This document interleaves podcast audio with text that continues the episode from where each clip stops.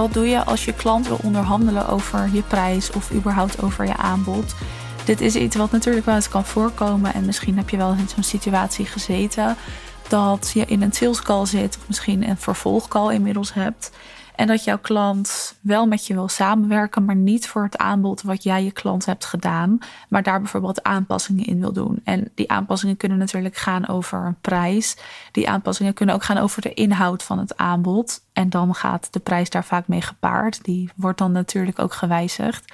En ja, wat doe je daar dan mee? Er zijn verschillende meningen over. Je kan erin meegaan, je kan er niet in meegaan. Je kan erover praten, je moet voor je waarde gaan staan. Maar ik denk dat het verschilt per persoon, per ondernemer. Maar ik denk ook dat we vaak iets te harde uitspraken hierover doen. Want in die end is een samenwerking altijd fijn. En als dat dan op een iets andere manier kan dan dat jouw hoofdaanbod in elkaar zit, is dat natuurlijk niet erg. Dat is in ieder geval mijn kijk erop. Mijn idee is gewoon altijd het gesprek aangaan, want er kunnen alsnog mooie samenwerkingen uitkomen. En ik moet eerlijk zeggen dat ik heel veel coaches ken die aan de voorkant communiceren alsof ze één aanbod hebben, maar aan de achterkant inderdaad wel eens wat anders aanbieden als een klant daarom vraagt of als dat passend is. Dus daar wil ik je even in meenemen. Het begint natuurlijk bij de sales call. Je hebt dus je sales call gehad, je plant een vervolgbelletje in. En in die call dan vraagt jouw klant: ik wil graag met je samenwerken, maar.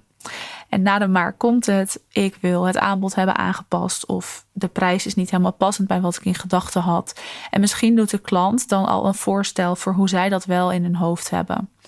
Je kan dan natuurlijk altijd het gesprek aangaan, maar het is belangrijk dat je alvast voorbereid bent op mocht deze situatie ooit komen. En ook wat doe je dan, wat zeg je dan, wat kan je dan aanbieden. Dus wat in eerste instantie van belang is, is dat jij nu al een bepaalde ondergrens bepaalt. Dus ken je ondergrens. Tot hoe ver wil jij bijvoorbeeld in prijs zakken? Misschien wil je helemaal niet in prijs zakken, dat is natuurlijk ook mogelijk. Maar die ondergrens bepalen voor jezelf, die is belangrijk. Dit is vaak zo bij bijvoorbeeld een abonnementsvorm. Een klant van mij, zij heeft een abonnementsvorm voor nu ongeveer 650 per maand. Misschien iets hoger inmiddels, maar laten we even uitgaan van 650 euro per maand. En dat is haar ondergrens. Voorheen was die lager, zat die volgens mij rond de 400 euro. Maar nu hebben we bepaald, je ondergrens is 650 euro per maand. Voor lager dan dat kan niemand een abonnement afnemen, omdat dat het waard is, omdat wij daarvoor willen gaan staan. Dus dit is haar ondergrens. Zij kan dus een hoger bedrag aanbieden als het pakket bijvoorbeeld uitgebreider wordt. Maar als een klant zegt: hey, ik vind dit te veel, wat is hierin mogelijk? Dan weet zij: ik zak sowieso niet lager dan 650 euro per maand. En dat is dus de ondergrens. En dat is ook wat jij voor jezelf mag bepalen: dat je gewoon weet waar naartoe wil ik zakken en wat is dus het minimale. En als je dat weet, dan ontstaat er dus ook wat ruimte in het aanbod wat je iemand kan gaan doen.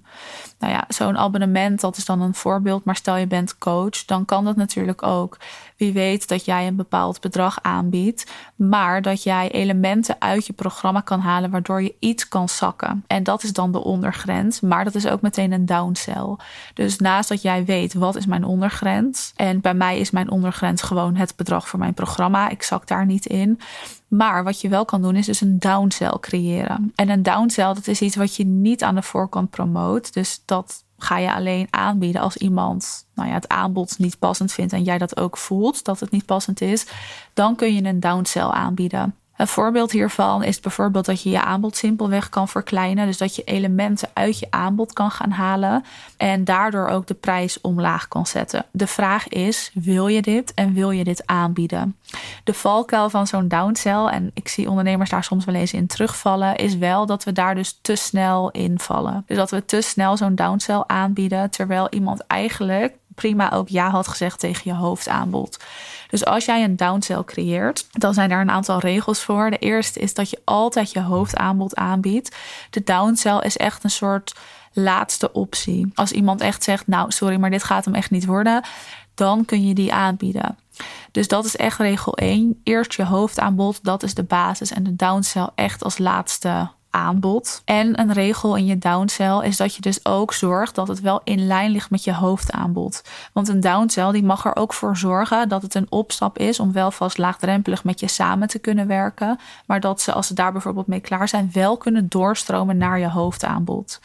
Ik heb zelf ook wel eens een downsell aangeboden. En hoe ik dat bijvoorbeeld heb gedaan, is dat mijn programma duurt altijd zes maanden dat we drie maanden zijn aangegaan. Ik moet zeggen dat ik dat nu nooit meer doe, omdat je gewoon een andere commitment met iemand hebt en creëert. Maar ik heb dat in het verleden wel eens gedaan. En dat was een hele fijne downsell. Als een laatste optie van hè, als iemand tegen mij zegt: Ik wil heel graag met je samenwerken, maar ja, die zes maanden gaat gewoon nu niet lukken of is niet mogelijk. Dan kon ik die drie maanden aanbieden. En ik heb dat één of twee keer gedaan. gedaan. En dat is dan mijn downsell. Op dit moment heb ik zelf geen downsell meer. Ja, de business club waar je in kan stappen. Maar niet in mijn coachingsprogramma. Maar het is dus wel slim om voor jezelf eens na te denken. Wat ligt er in lijn met mijn hoofdaanbod? En kan ik dus elementen uit mijn hoofdaanbod halen. Zodat ik wel de waarde kan bieden wel het resultaat kan bieden wat jij wil beloven en ook wat jij wil garanderen. Voor zover je resultaat kan garanderen natuurlijk.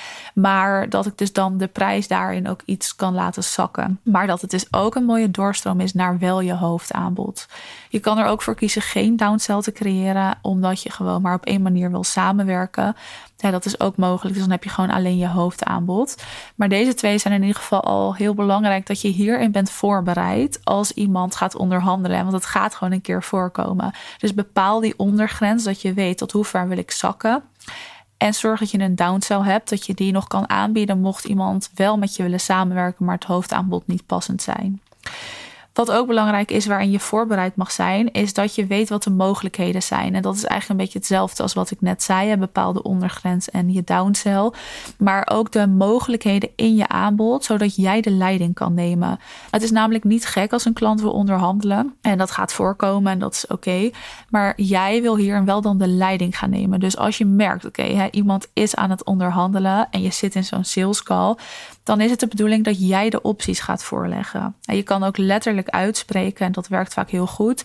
Ik merk dat het hoofdaanbod misschien niet passend voor je is. Klopt dat? Zodat je het even checkt bij iemand. En als iemand dan zegt ja, dat je dan kan voorleggen wat de andere opties zijn. Dus bijvoorbeeld die downsell, bijvoorbeeld die ondergrens of iets anders. Maar dat jij de leiding gaat nemen in die call. Zodat je dus de mogelijkheden kan voorleggen. En dat die leiding ook bij jou blijft. En dat jij dus ook op die manier enigszins dat gesprek kan sturen. Wat wel zo is en wat je ook altijd mag checken als een klant gaat onderhandelen. Is dat het best wel eens zo kan zijn dat er nog bepaalde bezwaren zitten. Dus eerst wil je daarachter komen. En ook dit kan je gewoon letterlijk aan iemand vragen. ik merk dat er nog iets in de weg zit om ja te zeggen tegen de samenwerking. Klopt dat of heb ik dat fout? Klopt mijn gevoel niet. Dan kan namelijk degene die tegenover jou zit daar gewoon op reageren. In sales is het vaak zo dat je gewoon heel eerlijk en direct mag zijn, omdat het dan ook een oprecht gesprek wordt. En je kan dat best tegen iemand zeggen en best aan iemand vragen, zodat je ook een reactie terugkrijgt.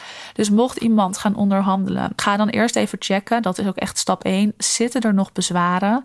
Kom daarachter. Dat hoeft niet altijd zo te zijn, maar het is wel vaak zo. In veel gevallen merk ik ook bij klanten. Dus eerst kom je daarachter stap 1 en daarna kan je pas gaan onderhandelen. Dus de mogelijkheden voorleggen, je downsell aanbieden en die ondergrens laten weten. Als je dit dan aan het doen bent, dan wil je daar nooit on the spot ja op zeggen. Ook jij niet als verkoper. Jij zit daar dan even als verkoper, die rol heb jij omdat je dan ook vanuit emotie gaat handelen. Dus emotionele reacties vermijden voor jezelf. Maar ook als je zelf klant bent in een sales call en je bent aan het onderhandelen met iemand. Geef jezelf altijd tijd om er even over na te denken. Dat heb je gewoon nodig. En daarmee vermijd je dus ook die emotionele reacties. Je wil gewoon niet on the spot ja zeggen, omdat je dan misschien ergens achteraf spijt van krijgt. En ook als het dus gaat om je eigen aanbod en er zit iemand tegenover jou die dus iets anders wil of een lagere prijs wil. En jij denkt, ja, dit is zo'n leuke klant, dit wordt een fantastische samenwerking, laat ik maar ja zeggen. En je doet dat. En vervolgens kom je er dus gaandeweg in dat proces achter dat het toch niet zo handig was. Ja, dan heb je spijt. En dat is omdat je er niet over na hebt gedacht. Dus als iemand dit gaat doen, dan is het goed om te zeggen, hè, de opties in ieder geval voor te leggen. En dan te zeggen, zullen we morgen nog even opnieuw bellen? Dan kunnen we het allebei even laten bezinken en dan morgen hier een keuze maken. Dan kan jij het laten bezinken, maar je klant ook, waardoor er nooit spijt kan ontstaan, hè, vanuit welke kant dan ook. Dus op die manier vermijd je die emotionele reacties. Stel, iemand is aan het onderhandelen en je denkt, nou, dit is het voor nu echt niet. Ik wil niet verder zakken. De klant is het er nog steeds niet mee eens. We komen er niet uit. Gooi dan niet die deur dicht. Want het kan zo zijn dat iemand misschien eerst met iemand anders gaat samenwerken, maar alsnog bij je terug kan komen. Dus houd de deur altijd open voor een toekomstige samenwerking. En dat kan je ook tegen iemand zeggen. Ik spreek dat ook wel eens uit als we er gewoon niet uitkomen of iemand echt niet op de juiste plek staat op dit moment zal ik je over een tijdje nog eens benaderen of we houden contact. Wie weet over een paar maanden dat we wel kunnen samenwerken, dat het dan passender is of dat je dan verder bent in het proces, zodat je die deur echt open houdt. Dat is wel een belangrijke, mocht je hem dus afsluiten en er niet zijn uitgekomen. Wil je er wel met iemand uitkomen, dan kan je dat nog op drie manieren doen. Namelijk door altijd een soort win-win gevoel te creëren, maar dat natuurlijk ook wel daadwerkelijk te realiseren. Dus hoe is het voor jou een win en voor de ander een win? En ook hier kan je nu al over nadenken. Dus je gaat hier niet pas over nadenken tijdens die call, maar van tevoren, zodat je dus voorbereid bent op zo'n situatie. Wat een tweede optie is, is dat je ook de kostenstructuur kan communiceren. Dus eigenlijk een beetje de waarde. Nummer drie is ook communiceer de waarde. Jakarta. Maar die kostenstructuur, hoe is dat opgebouwd? En je hoeft nooit je prijs te verantwoorden. Dat is wel echt een regel die je voor jezelf mag aanhouden. Jij bepaalt je prijs en je hoeft die nooit te verantwoorden aan wie dan ook. Maar het kan wel helpen om de kostenstructuur te laten zien of uit te leggen. hoe ben jij tot deze prijs gekomen? Wat is het resultaat van klanten waardoor je nu deze prijs vraagt? Zodat iemand daar even in meegenomen wordt. Dan, ja, je neemt eigenlijk letterlijk je klant mee in een soort gedachtegang. En dat kan heel goed werken, dat iemand ook meer de waarde gaat inzien. En drie is inderdaad dus die waarde communiceren. En dat doe je ook weer door ja, bijvoorbeeld oud-klanten te laten zien. En daar de resultaten, je verwachtingen te communiceren, maar ook eerlijk te zijn. Dus de waarde communiceren kan je ook doen door te zeggen: Ik kan je niks garanderen, want. Dat je bijvoorbeeld een, een ja, je hebt de ander nodig om het resultaat te creëren. Maar je kan wel vertellen wat je ziet bij klanten. En doordat je dan eerlijk de waarde communiceert en ook zegt wat je niet kan garanderen, kan iemand ook veel meer mee in jouw gedachtegang. Dus dat zijn nog drie punten. Mocht iemand gaan onderhandelen en je wil er heel graag uitkomen, maar hey, je zit net even ergens vast Ga dan eens deze drie proberen en testen. Ja, ik zei het in het begin eigenlijk al, maar mijn idee is wel altijd het gesprek aangaan. Er kunnen gewoon mooie samenwerkingen uitkomen, maar ook dus toekomstige samenwerkingen. Je kan hierdoor ook um, in de toekomst al je omzet accorderen. Want mijn klanten, of althans klanten die volgend jaar starten, daarvoor was het bijvoorbeeld nu nog niet passend. Maar die hebben gezegd: ik wil wel mijn plek al vastzetten voor januari of februari. Waardoor je dus wel met elkaar in zee kan gaan, maar je even een soort van tijd creëert, waardoor er weer meer ruimte ontstaat. Dus dat is natuurlijk ook altijd een optie. Maar ga altijd het gesprek aan als je klant wil onderhandelen over je prijs of de inhoud van je aanbod. Mocht je hier eens over willen kletsen, dan eh, ben je natuurlijk welkom.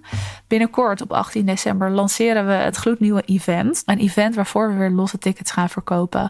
En het wordt een event die gaat over succes, zowel zakelijk succes als privé privé-succes.